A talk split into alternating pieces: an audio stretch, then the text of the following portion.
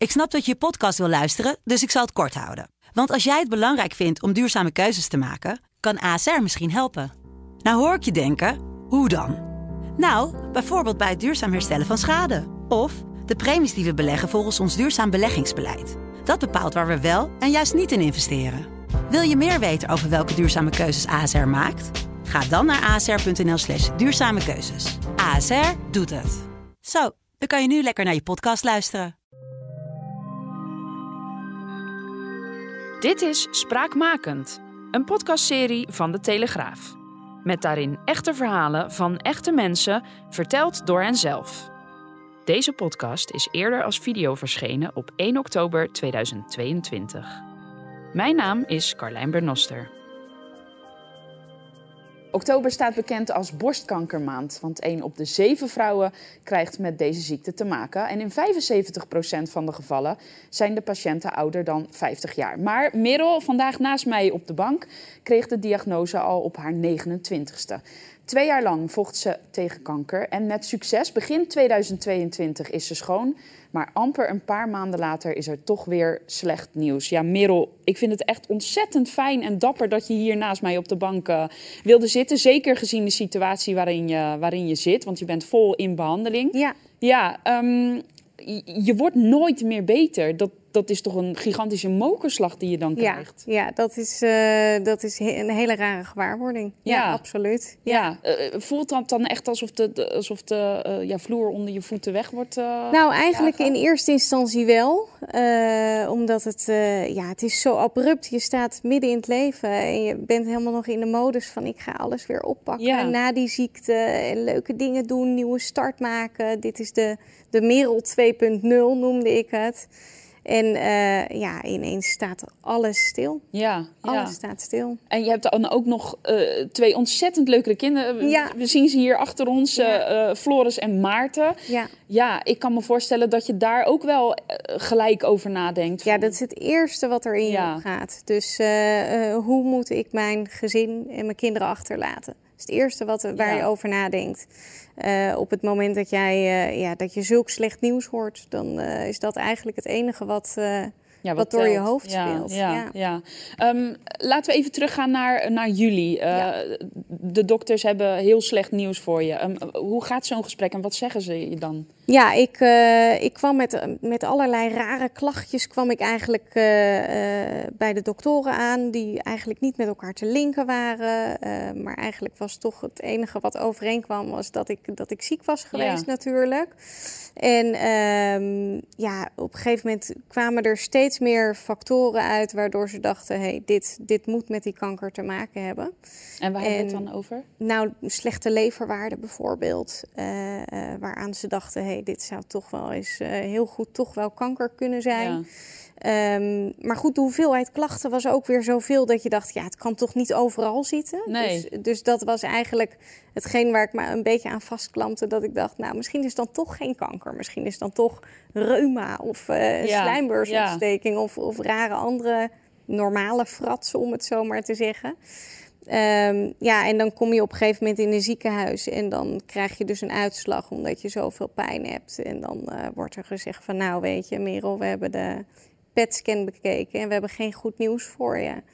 En uh, ja, de arts vroeg, ik had een vervangende arts die dag en die, uh, uh, ja, die, die, die, die, ik vroeg ook, ik zeg, is het uitgezaaid? En toen zei ze, nou ja, de vraag is niet of het is uitgezaaid, maar waar het allemaal Zo. is uitgezaaid. Want het zat overal. Ja. Dus je gaat eigenlijk een soort van. Ja, ik voelde me niet fit, want ik, ik ging natuurlijk ja. wel met een reden naar het ziekenhuis. Ja. Maar je gaat een soort van fit het ziekenhuis in. En eigenlijk op het moment dat je de diagnose krijgt, ja, alles valt weg. Ja, ja. ja Want... Dus het zat in mijn, in mijn botten, mijn lever, uh, al mijn lymfeklieren, in al, al mijn beenmerg zit het. Um, en nu uiteindelijk blijkt het dus ook in mijn hoofd te zitten. Um, ja, het zit ineens overal. Ja, um, en dat is toch eigenlijk wel gek, want ja, eerder dat jaar hoor je dat, dat er je... niks aan de hand. Nee, precies. Ja. Hoe, hoe kan... Ja, nou ja, het is... ja, die, ja dat zijn... weet je niet. Maar... Nee, je weet niet hoe het komt. En uh, kijk, ik heb een uh, tot en met uh, ja, kwartaal 2 heb ik zeg maar uh, chemotherapiepillen mhm. gehad nog. de eerste vier maanden van dit jaar of zo. En daarna ben ik gestopt. En blijkbaar heeft dat dus toch tumorgroei afgeremd. Waarvan we niet wisten dat dat er zat. Ja. Uh, en heeft dat dus toch effectief gewerkt en ben ik daar op een gegeven moment mee gestopt. Ja, en is het echt sky high, is gewoon die kanker gaan groeien. Ja, ja. En uh, eigenlijk tegen alle verwachtingen in. Ja. ja. Um, ik wil heel even terug naar uh, nou ja, het, het begin, om het zo maar te zeggen. Uh, op jonge leeftijd, 24, was je, kwam je erachter dat je drager bent. En dan moet ik het goed zeggen, het BRCA1-gen. Ja, inderdaad. Um, ja, heb je dat dan, hoe, hoe ben je daar überhaupt achter gekomen? Nou, ik had een, uh, mijn oma die heeft uh, drie keer borstkanker gehad. Uh, en volgens mij ergens in de jaren negentig uit mijn hoofd is er toen gezegd van joh, er is een onderzoek waarmee mhm. we dus kunnen vaststellen of er een erfelijke variant van borstkanker in een familie voorkomt. Um, en omdat mijn oma meerdere malen borstkanker heeft gehad, is er toen gezegd van nou, zij mag deelnemen daaraan. Ja. Um, en haar dochter, dus mijn moeder ook. Uh, uit dat onderzoek bleek dus dat mijn oma gendraagster was uh, en dat ook uh, mijn moeder gendraagster was. En daarbovenop bleek ook nog eens mijn opa gendrager te ja, dus dubbelop eigenlijk. Ja, dus het was eigenlijk dubbelop. Um, en uh, ja, dan, dan ga je eigenlijk een. Dus mijn moeder is toen een molen ingegaan. Mhm. Die heeft preventief haar borsten laten amputeren. Eigenlijk alles om ervoor te zorgen dat ze geen borstkanker zou krijgen. En um, dat is eigenlijk redelijk succesvol gegaan. Totdat ze op een gegeven moment toch een knobbeltje kreeg. En dat is, was nog nooit voorgekomen in de, in de Nederlandse geschiedenis, in die hele medische wereld, zeg maar. Um, maar goed, er was dus toch een knobbeltje en toch borstkanker. En uh, dat hebben ze toen geopereerd. Maar de kwaadaardigheid van die borstkanker was zo heftig, zo sterk, dat ze dat niet heeft overleefd uiteindelijk. En, uh, werd 37 en toen was jij dus 12. Ja, en toen was ik 12 en toen, toen overleed ja, onze moeder. Ja. En uh, toen heb ik altijd gedacht van joh, later als ik groot ben ga ik me daarop laten testen zodra het kan. Um, want dan kan ik daarop anticiperen. Ja. Dus dat heb ik toen ook gedaan. Um, maar er komt heel veel op je af op zo'n moment natuurlijk. Dus ineens moet je gaan beslissen over ja, hele belangrijke dingen. Want je gaat bewust je lichaam verminken eigenlijk. Uh, wel met een goed doel natuurlijk, want het doel is om niet die kanker te krijgen. Maar die kunnen ze ook niet garanderen, want die heeft mijn moeder ook gehad. Dus het werd, werd mentaal, merkte ik dat ik, ik vond het heel moeilijk. Dus, uh, dus dat heb ik toen ook op een gegeven moment met mijn uh, arts besproken, mijn plastisch chirurg, de, hele goede eh, chirurg van topdokters ook, heeft hij meegedaan. Echt een fijne man. En die zei ook, Merel, je moet niet te gehaast beslissingen gaan nemen. Je moet er hier rustig over nadenken, want het bepaalt de rest van je leven. Ja. En uh, nou, dat, dat heb ik toen, daar heb ik heel rustig over nagedacht. En eigenlijk tegen de tijd dat, dat er überhaupt iets kon gebeuren, zat er ineens al een knobbeltje. En toen voelde je dus. Want, want, ben je daar ook extra dan mee bezig, zeg maar? Het, nou, je bent wel meer bezig dan een ander, denk ik. Ik wist natuurlijk dat er knobbeltjes konden komen. Dus je, je, ja, weet je, ik ben er bewuster bezig dan, mee bezig dan een ander. Ehm, maar het was niet dat ik echt mijn leven daar liep, door liet leiden of zo. Als ik nu nog steeds terugdenk, dan denk ik soms wel eens... misschien heeft iemand boven toch mij een seintje gestuurd van... hé, hey, hier zit wat. Want het was zo klein als een ertje. Dat ik het überhaupt heb ontdekt, ja, dat is sowieso al eigenlijk een wonder. Ja. Um, ja, en dan ga je een hele molen in. Ja, want dat wil ik zeggen. Dan ben je dus 29 en dan ga je een, een, een molen in. Eigenlijk twee jaar van behandelingen. wat heb je nou ja, eh, allemaal gedaan? Of heb je, kun je eigenlijk zeggen nou, dat je niet gedaan? Het begon eigenlijk al met de hele diagnose, want dat was een, een heel gedoe. Dat heeft bijna vier maanden geduurd voordat ik officieel de diagnose borstkanker heb gehad. Omdat er iedere keer weer, ja, de, het, uh, de radiologen spraken elkaar soms een beetje tegen. En het, het, het, was gewoon een hele gekke, gekke tijd was het. Want dan werd ik weer weggestuurd met niks. Maar dan wilden ze me zes maanden later hmm, wel weer even zien voor een controle. En dan nou, het was echt heel stressvol was het. Uh, en ondertussen voelde ik het ook groeien. Dus op een gegeven moment heb ik gezegd van jongens, ik voel dat er nog steeds iets groeit. Dus er moet echt naar gekeken worden. En toen is uiteindelijk officieel die diagnose borstkanker dus gekomen.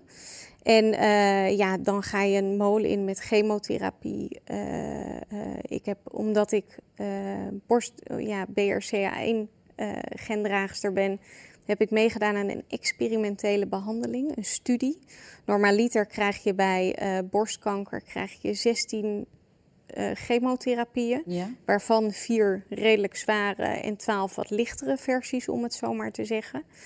Uh, en bij mij is dat omgegooid. Bij mij, ik heb vier normale chemotherapie-sessies gehad, die iedereen eigenlijk gehad heeft. En daarbovenop heb ik twee hoog gedoseerde mm. sessies gehad. En uh, dat houdt eigenlijk in dat de chemotherapiedosis die je krijgt, die is vijf keer zo hoog gedoseerd als een normale chemotherapie-sessie. En die wordt dan ook gevolgd door een stamceltransplantatie van eigen stamcellen. Oké. Um, en daar wordt eigenlijk een soort grote reset op je lichaam uh, ingevoerd in het ziekenhuis ben ik ook een maand heb ik in isolatie gezeten. Heftig allemaal, uh, zeg. Ja, dat was een hele, hele heftige behandeling. Ja. ja. En, ook, en ook voor je familie, hè? Ik bedoel, tuurlijk, niet, niet alleen voor jou, maar ook voor je hele familie. Want ja, het, het vergt nogal wat. Ja, absoluut. Want uh, iedere dag naar het ziekenhuis toe. En uh, ja, dat was echt een, echt een zware behandeling. En vervolgens op een gegeven moment heb ik ook een borstamputatie gehad. Radiotherapie uh, antihormoontherapie, want dat hoort er dan ook nog bij, en chemotabletten. Omdat er dus uiteindelijk na alle behandelingen toch nog steeds een resttumor in die borst werd aangetroffen. En dat was eigenlijk al dat ze, dat hadden ze natuurlijk liever niet gehad. Nee, precies. En, uh, maar goed, dat was wel weer prima te behandelen, zeiden ze, met de radiotherapie en de andere, andere medicatie. Ja, ja. ja. Nou, we zien het ook voor de mensen die zich afvragen. Je, hebt nu ook een, een morfinepompje. Ja, morfinepompje bij je. Je hebt nu een ontzettend goede dag, maar ja. mensen zien het niet. Dus ik dacht, ik, noem het wel nog even. Wat ik wel mooi vind, het is, het is vreselijk verschrikkelijk. We weten allemaal niet wat je doormaakt. Maar wat je nou doet, is uit iets negatiefs maak je iets positiefs. En je maakt een Instagram-account om mensen, ja, uh, uh, ook denk ik een beetje te verbinden. Um, de mama met kanker ja. uh, op Instagram. Ja. ja. Ja. dat vond ik zo belangrijk om te doen. Want uh, weet je, er zijn, uh, er zijn zoveel, zoveel meer jonge vrouwen dan ik dacht dat er zouden zitten in zo'nzelfde schuitje. En je ziet altijd beelden over borstkankerpatiënten van in de 50 ja. die uh, ja, die, die problemen hebben met de, met de overgang en uh, met dat soort dingen. Wat natuurlijk heel logisch is. Maar dat is voor iemand van in de dertig is dat zoveel anders dan, uh, dan wanneer je dat meemaakt als je op latere leeftijd zoiets meemaakt. En ik vond het ook belangrijk om daar wat, wat meer support aan te geven. Maar ook om. Een, ik, ik weet nog dat ik zelf. Ik heb die experimentele behandeling mm gedaan. Daar werd ook van gezegd: er is uh, eh, 5% kans dat je de behandeling niet overleeft. Dat is ook. Omdat die zo zwaar is. En um, ik vond het zo moeilijk om die keuzes te maken, omdat ik alles ervoor wilde doen om het te overleven. En om, om mijn kinderen zo lang mogelijk hun moeder te geven. Um, maar het is, het is gewoon zo moeilijk om daar beslissingen in te nemen als je niemand hebt gesproken die dat heeft meegemaakt. Dus eigenlijk is het ook om, om lotgenoten en daarover. Ja. Ja. Dus toen dacht ik, hier moet ik iets mee. Uh, want want ik, ik hoop gewoon dat ik straks iemand mee kan nemen aan het eind van de tunnel en kan denken van hé, hey, waar jij nu staat, daar stond ik een jaar geleden. En kijk hoe ik erbij loop. Ja, vergt ook wel heel veel krachten hè, om dat ook nog te doen. Ja, maar dat is heel, heel fijn en heel dankbaar voor dat als je dat, uh, dat kan doen. Ja. ja. Um, ja, tot slot, we zien heel veel mooie momenten op, uh, op Instagram. Uh, ja. Je huwelijk, dat is drie jaar geleden. Ja. nou ja, natuurlijk de kinderen. We zien, nogmaals, we zien ze achter ons. Superleuk. ook de moeilijke momenten, die deel je uiteraard. Um, als we nou het hebben over... Ja, durf je überhaupt nog naar de toekomst te kijken? Ja, zeker. Ik durf zeker naar de toekomst te kijken. Ik vind het wel heel moeilijk om concreet naar de toekomst te kijken, want dat kan niet. Um, uh, maar ik kijk nog steeds met heel veel plezier naar de toekomst, weet je. Waar uh, een ander zich kan verheugen op een uh, weekendje weg van over twee maanden, kan ik me verheugen op bij wijze van een keertje volgende week gezellig met de familie mosselen eten of zo, weet je wel. Gewoon, het is, het is veel kleiner, het is veel concreter. En, en de kinderen bijvoorbeeld vanochtend naar school brengen. Nou, dat is echt dan helemaal mijn ding. Daar ben ik zo blij om dat dat nog kan. Ja, wat zou je nog willen?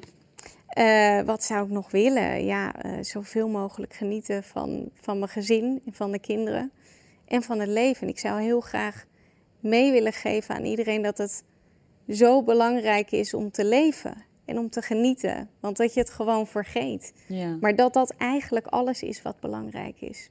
Daar wil ik het graag uh, bij laten. Dankjewel. Een maand na deze opname is Merel van der Linden Cornet aan de gevolgen van haar ziekte overleden.